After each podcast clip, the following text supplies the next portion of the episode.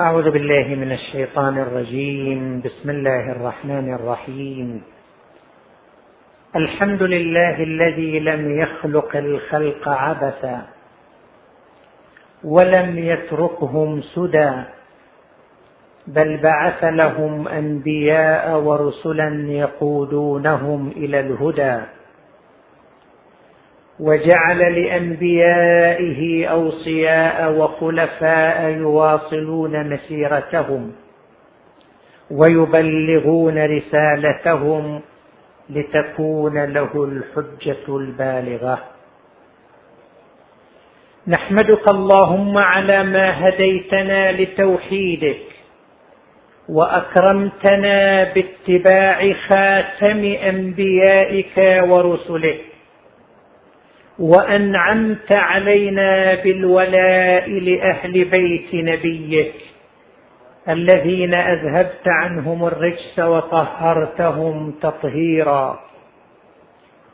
ونشهد أن لا إله إلا الله وحده لا شريك له الذي أمر بالعدل بين العباد وتوعد الظالمين بالهلاك والبوار ووعد الصالحين بأن يستخلفهم في الأرض ويعمر بهم البلاد.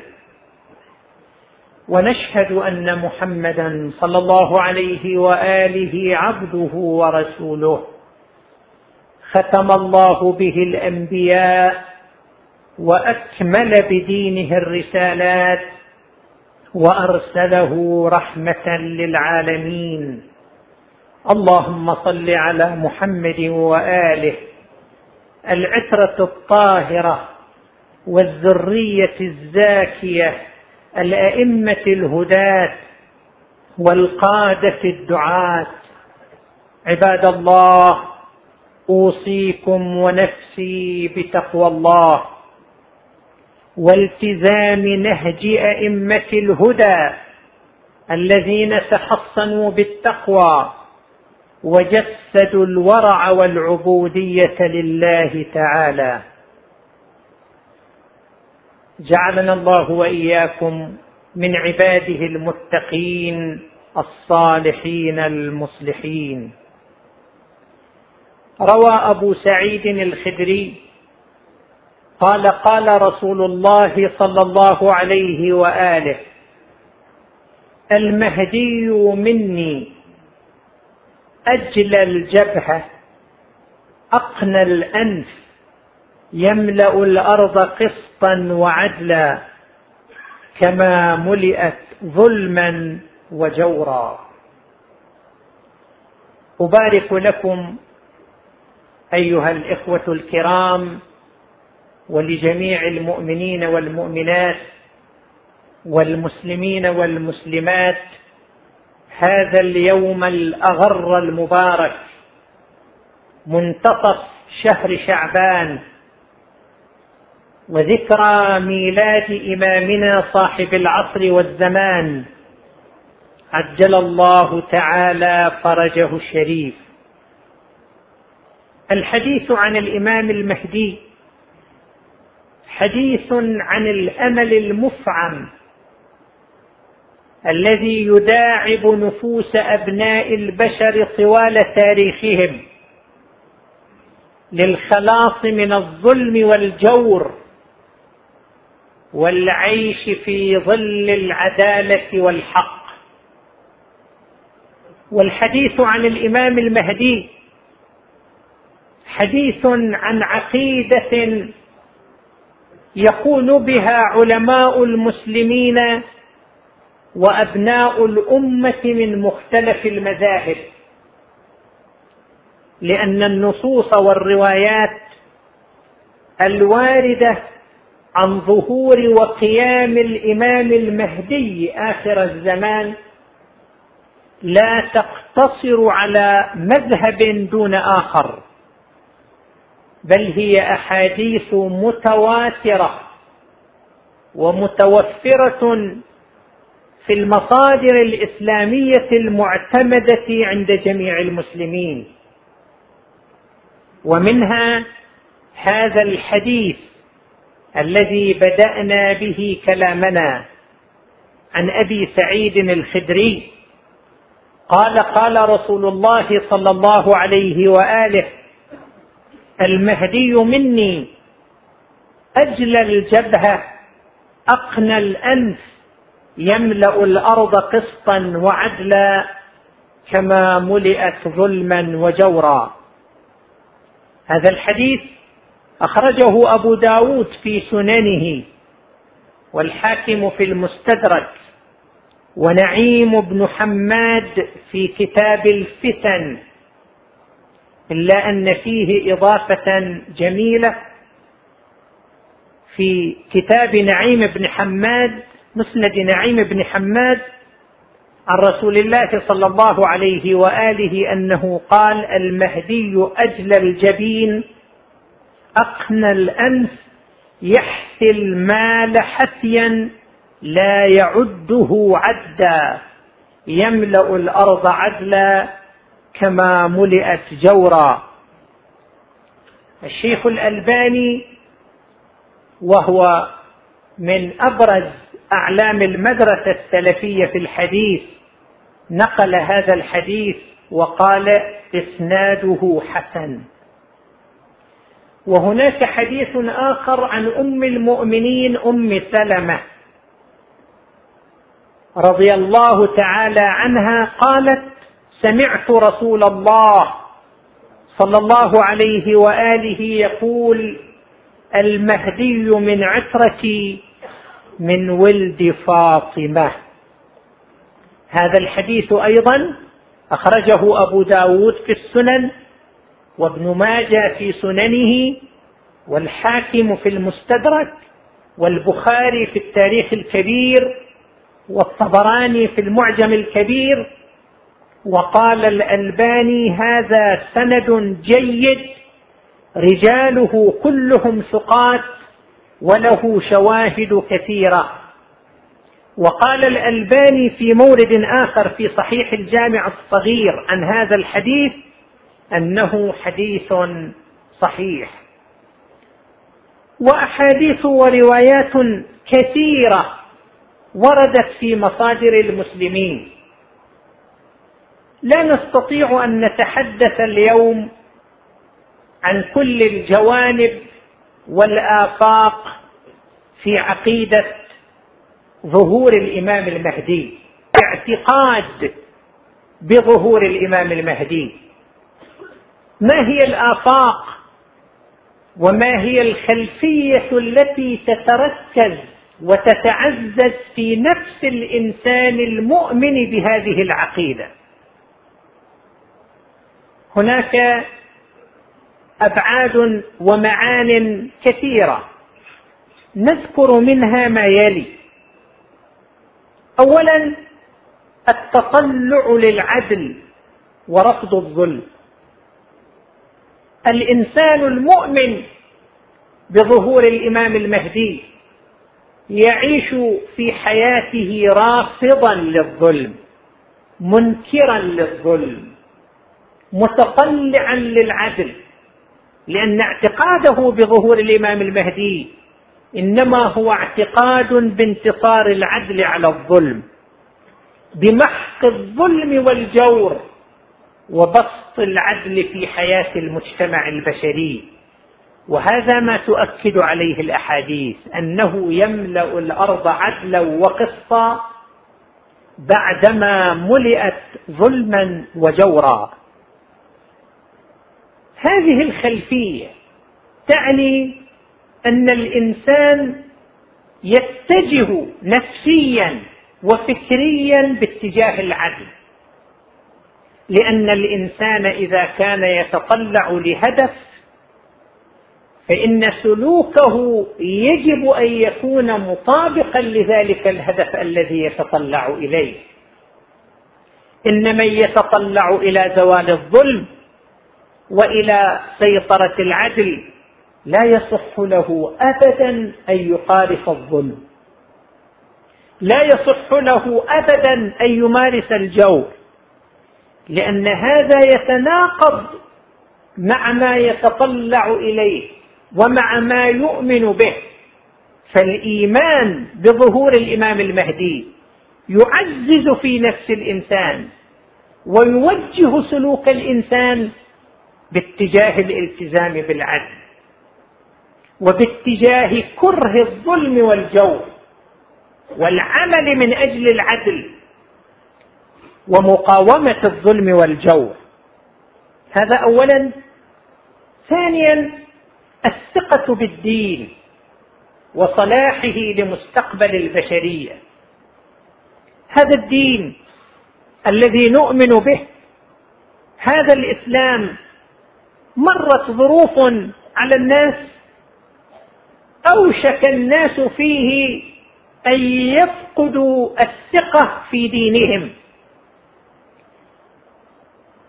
لأن الآخرين تقدموا وصنعوا حضارة متطورة متقدمة.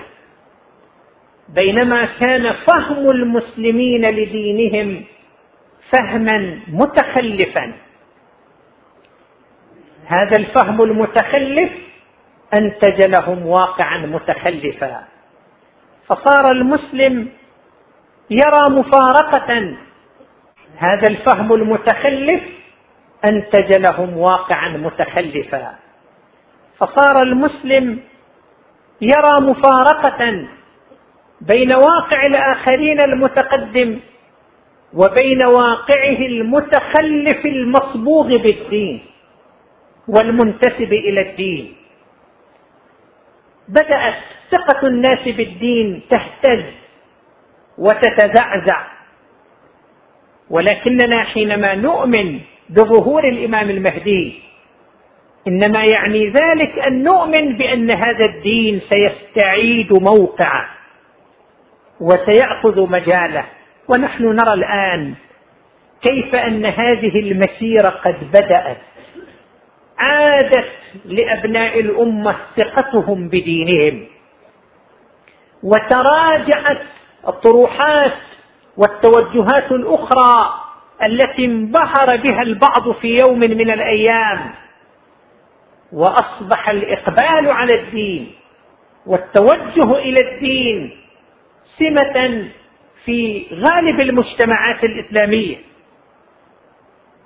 نحن نؤمن بأن هذا الدين ليس صالحا لنا فقط وإنما هو صلاح البشرية جمعاء ولكن ما هو الدين الذي هو صلاح لمستقبل البشرية؟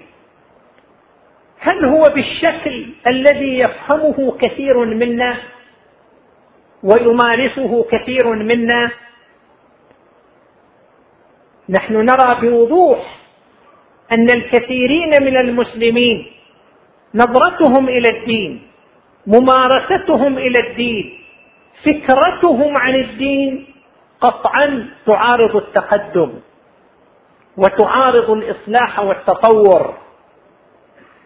إذا كان الدين الذي سيحكم البشرية هو هذا الدين الذي يؤمن به هؤلاء المتزمتون وهؤلاء القشريون فيا ويل البشرية منه.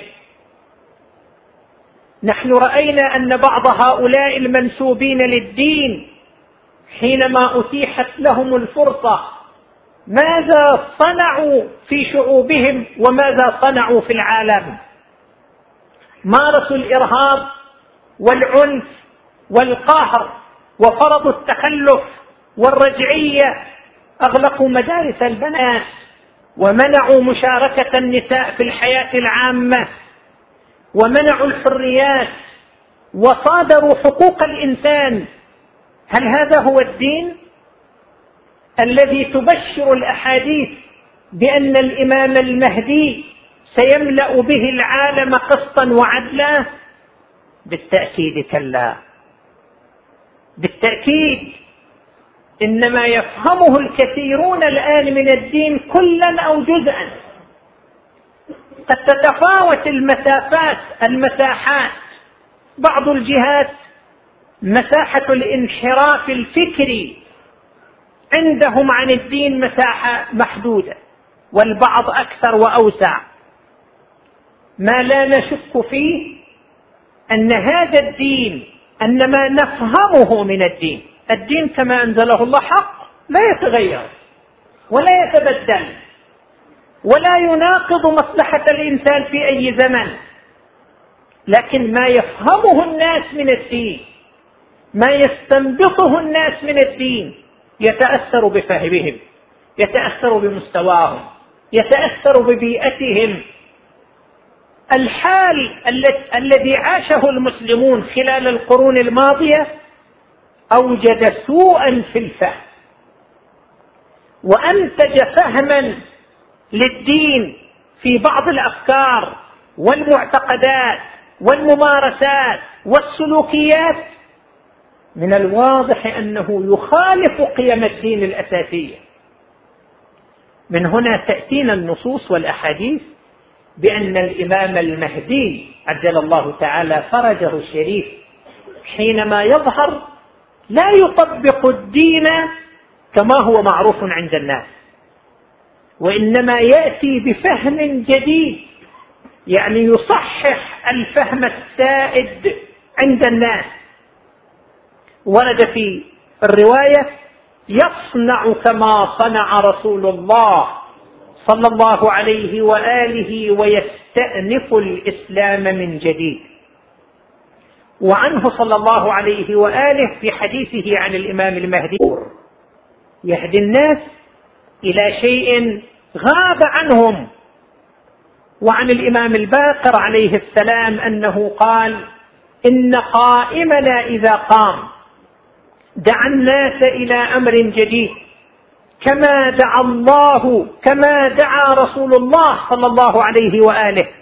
وإن الإسلام بدأ غريبا وسيعود غريبا وسيعود غريبا كما بدأ فطوبى للغرباء. وورد أيضا في رواية أن الله يمحو به البدع كلها. الزيادات الإضافات التحريفات التشويهات التي لحقت بالدين. طوال القرون والعصور الإمام المهدي يأتي ويزيلها. ويعيد للإسلام نقاءه وصفاءه في أذهان الناس. ومن آفاق عقيدتنا في الإمام المهدي عجل الله تعالى فرجه وجود إحياء الأمل والتفاؤل في النفوس. فإن الإنسان كفرد أو كمجتمع تمر عليه ظروف صعبة ظروف قاسية ظروف ضاغطة قد يتمنى فيها مفارقة الحياة وقد ييأس فيها من التغيير والإصلاح. ولكن الاعتقاد بالإمام المهدي يحيي الأمل دائما وأبدا في النفوس. وهذا ما يترجمه الواقع المعاش. إخواننا الذين كانوا يعيشون في العراق وكانوا يعيشون الأمرين وكانوا يقاسون ذلك الحكم الطاغي المستبد المنحرف.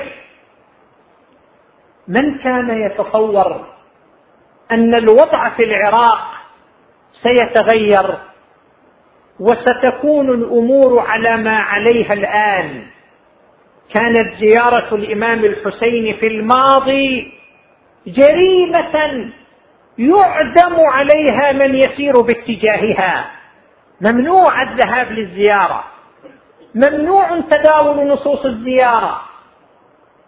والأهم من كل ذلك أيضا الناس ما كانوا يعيشون شيئا من حقوقهم الإنسانية المشروعة.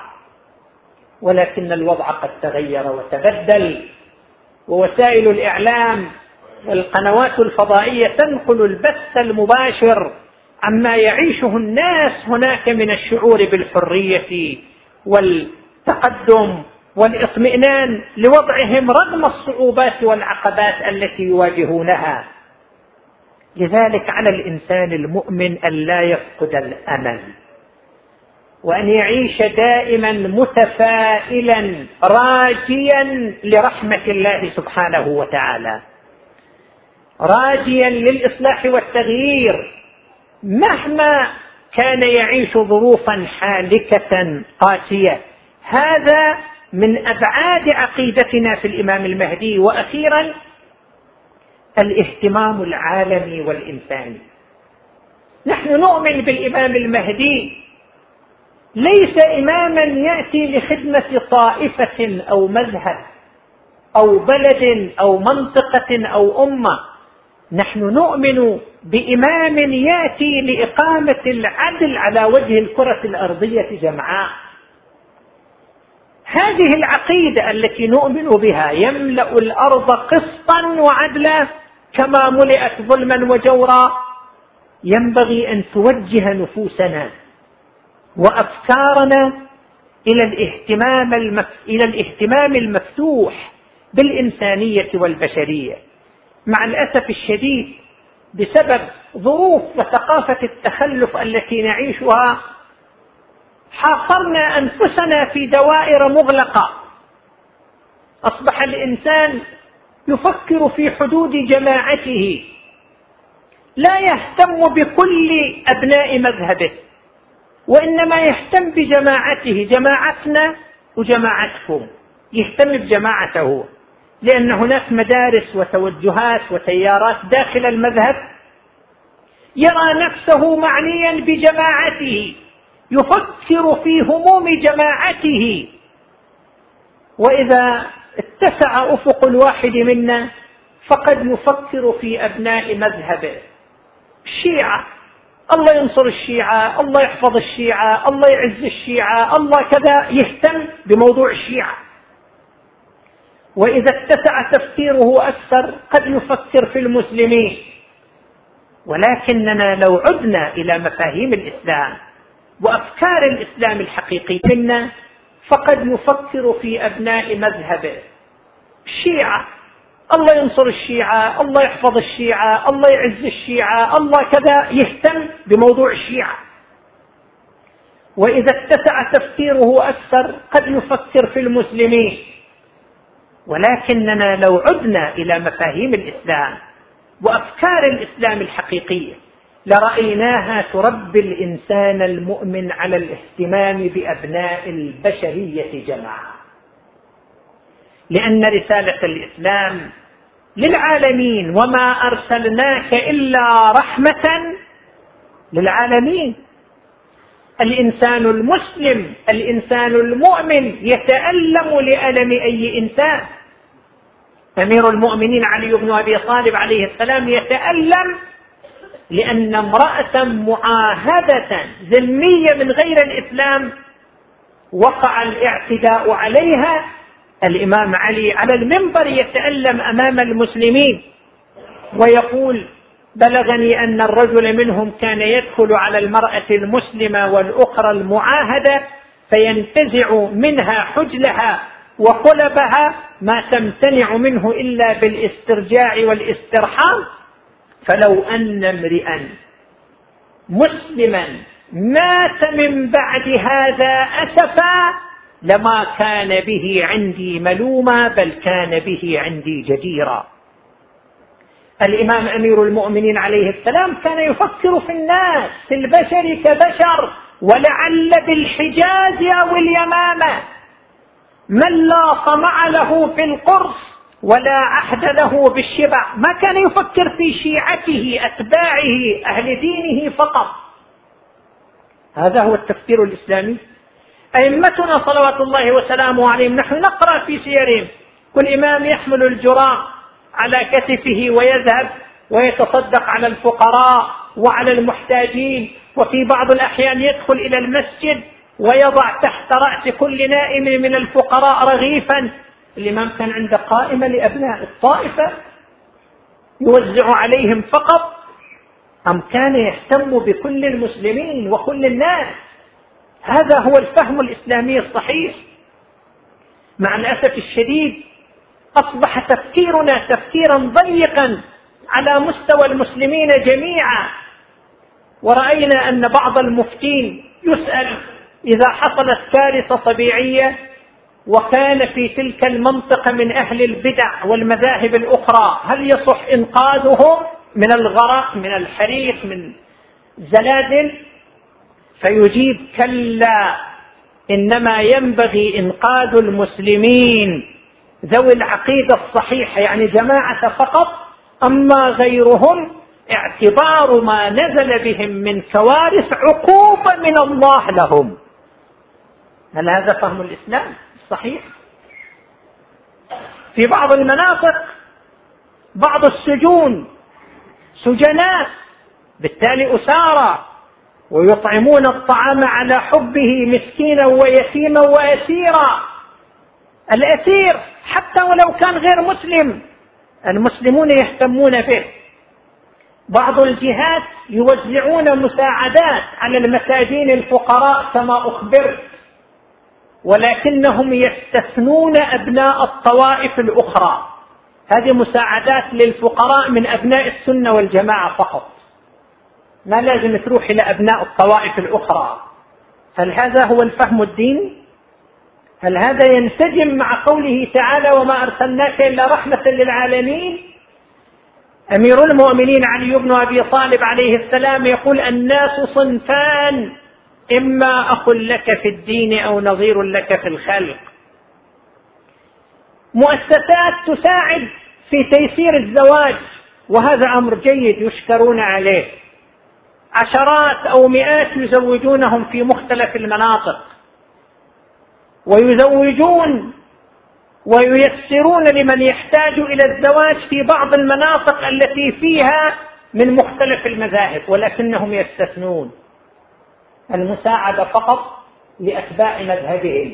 هذا خطأ كبير.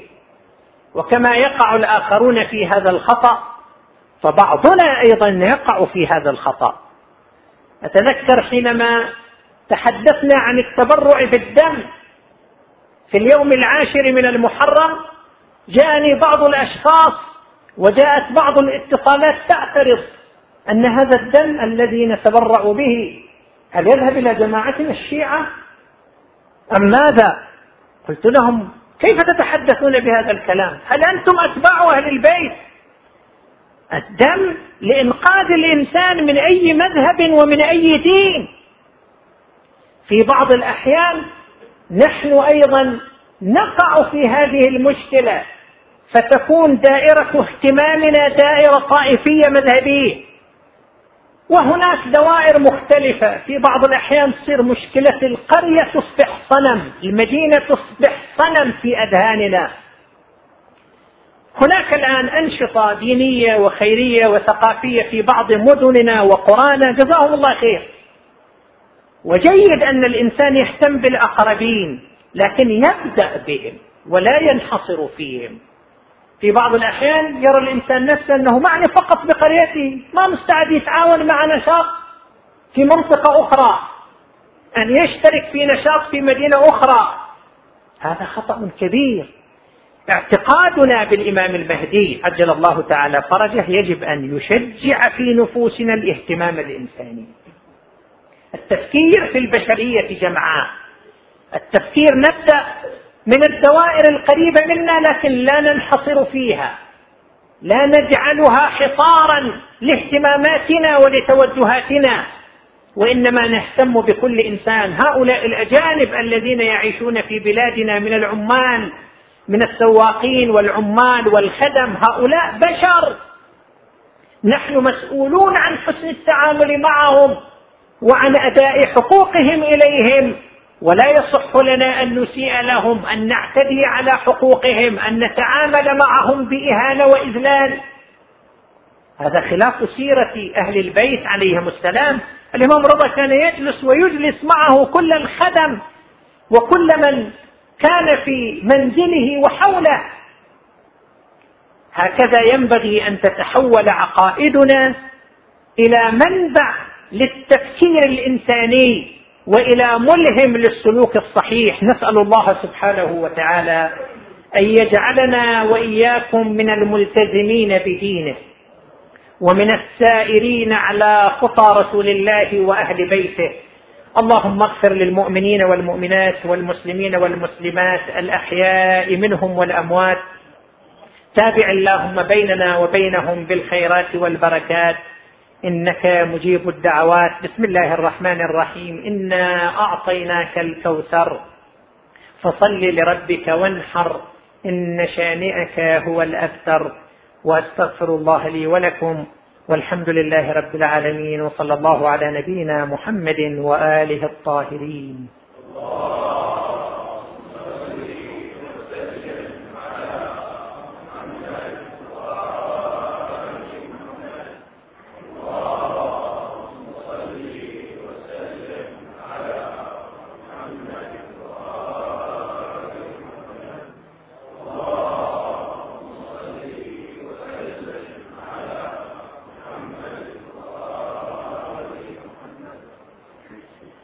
أعوذ بالله من الشيطان الرجيم. بسم الله الرحمن الرحيم. الحمد لله رب العالمين. نحمده ونستعينه ونستهديه ونستغفره ونتوكل عليه ونشهد أن لا إله إلا الله وحده لا شريك له. ونشهد أن محمدا صلى الله عليه وآله عبده ورسوله. أرسله بالهدى ودين الحق ليظهره على الدين كله ولو كره المشركون. اللهم صل وسلم على أفضل أنبيائك الطاهرة فاطمة الزهراء سيده نساء العالمين وعلى سبطي الرحمة وإمامي الهدى الحسن والحسين سيدي شباب أهل الجنة وعلى أئمة المسلمين علي بن الحسين ومحمد بن علي. وجعفر بن محمد وموسى بن جعفر وعلي بن موسى ومحمد بن علي وعلي بن محمد والحسن بن علي والخلف القائم المهدي حججك على عبادك وأمنائك في بلادك اللهم صل عليهم صلاة دائمة زاكية نامية وثبتنا على محبتهم وولايتهم واجعلنا من السائرين في طريقهم واحشرنا يوم القيامة في زمرتهم. عباد الله أوصيكم ونفسي بتقوى الله فإن الله مع الذين اتقوا والذين هم محسنون. قال الله العظيم في كتابه الحكيم بسم الله الرحمن الرحيم لن ينال الله لحومها ولا دماؤها ولكن يناله التقوى منكم كذلك سخرها لكم لتكبروا الله على ما هداكم وبشر المحسنين. صدق الله العلي العظيم. وجود الشعائر أمر طبيعي في كل دين ومذهب. والشعائر هي جمع شعيرة وهي العلامة الواضحة لأن الأديان والمذاهب لها معتقدات ومفاهيم. فلا بد من وجود مظاهر خارجية تكون بمثابة العلامات والدلائل على تلك المعتقدات والمفاهيم. ولهذا فإن الله سبحانه وتعالى أمر بتعظيم الشعائر الدينية التي هي علامات واضحة على الدين ومنهجه.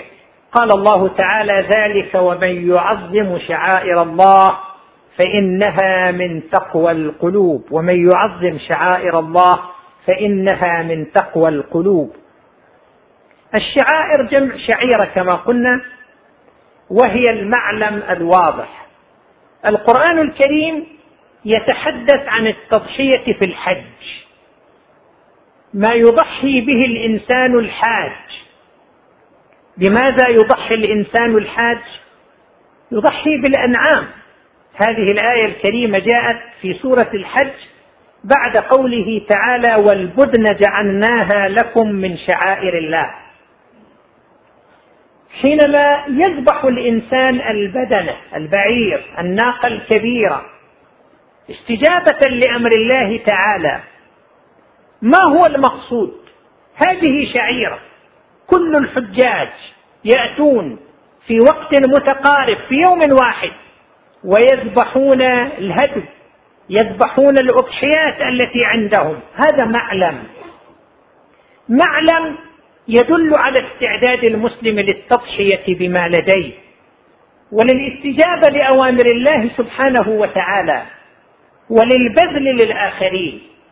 فإذا معلم له أهداف له دلالات يدل على أشياء. الله سبحانه وتعالى يقول أنتم حينما تذبحون هذا الهدي ماذا ينال الله من هذا الهدي؟ لن ينال الله لحومها. لحوم ما تذبحونه لن يصل إلى الله ولا دماؤها. لأن بعض الجاهلية بعض عرب الجاهلية كانوا حينما يذبحون يأخذون دم الاضحيه ويرشونه على الصنم أو يرشونه على الكعبة. جاء الإسلام ونسخ هذا الأمر. وبعض العادات التي نسمع عنها كانت وزالت ولعل بعض آثارها قد تكون موجودة. أن الناس حينما يريد إنسان أن يبني بيتا يذبح ذبيحة خلي الدم على الباب أو على الأساس على الأساس بناء البيت أو ما أشبه ذلك هذا لا أصل له. الروايات عندنا ورد عن الإمام الصادق عليه السلام من بنى مسكنا فذبح كبشا سمينا وأطعم لحمه المساكين ثم قال اللهم ادحر عني مردة الجن والإنس والشياطين وبارك لي في بنائي أعطي ما سئل. يعني يذبح ويوزع على الفقراء.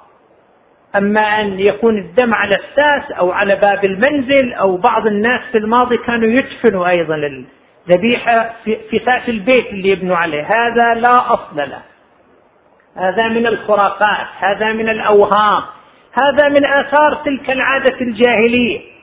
الله سبحانه وتعالى يقول لن ينال الله لحومها. ولا دماؤها ولكن يناله التقوى منكم. لا نريد أن نطيل في الحديث. نحن اليوم نعيش في مناسبة عظيمة مباركة، نسأل الله يبارك لنا ولكم ولجميع المسلمين. في هذه المناسبات عندنا شعائر. شعائر بعضها منصوصة من الأئمة عليهم أفضل الصلاة والسلام. وبعضها من العادات الحسنة. هذا لا إشكال فيه. كل أهل مذهب كل مجتمع من المجتمعات لهم عاداتهم وتقاليدهم. وهنا نريد أن نؤكد على عدة أمور. الأمر الأول حق المجتمعات في ممارسة شعائرها وتقاليدها. لا يحق لأحد أن يمنع الناس من أن يمارسوا شعائرهم الدينية المذهبية أو تقاليدهم الاجتماعية ما لم يكن فيها ضرر على الوضع العام.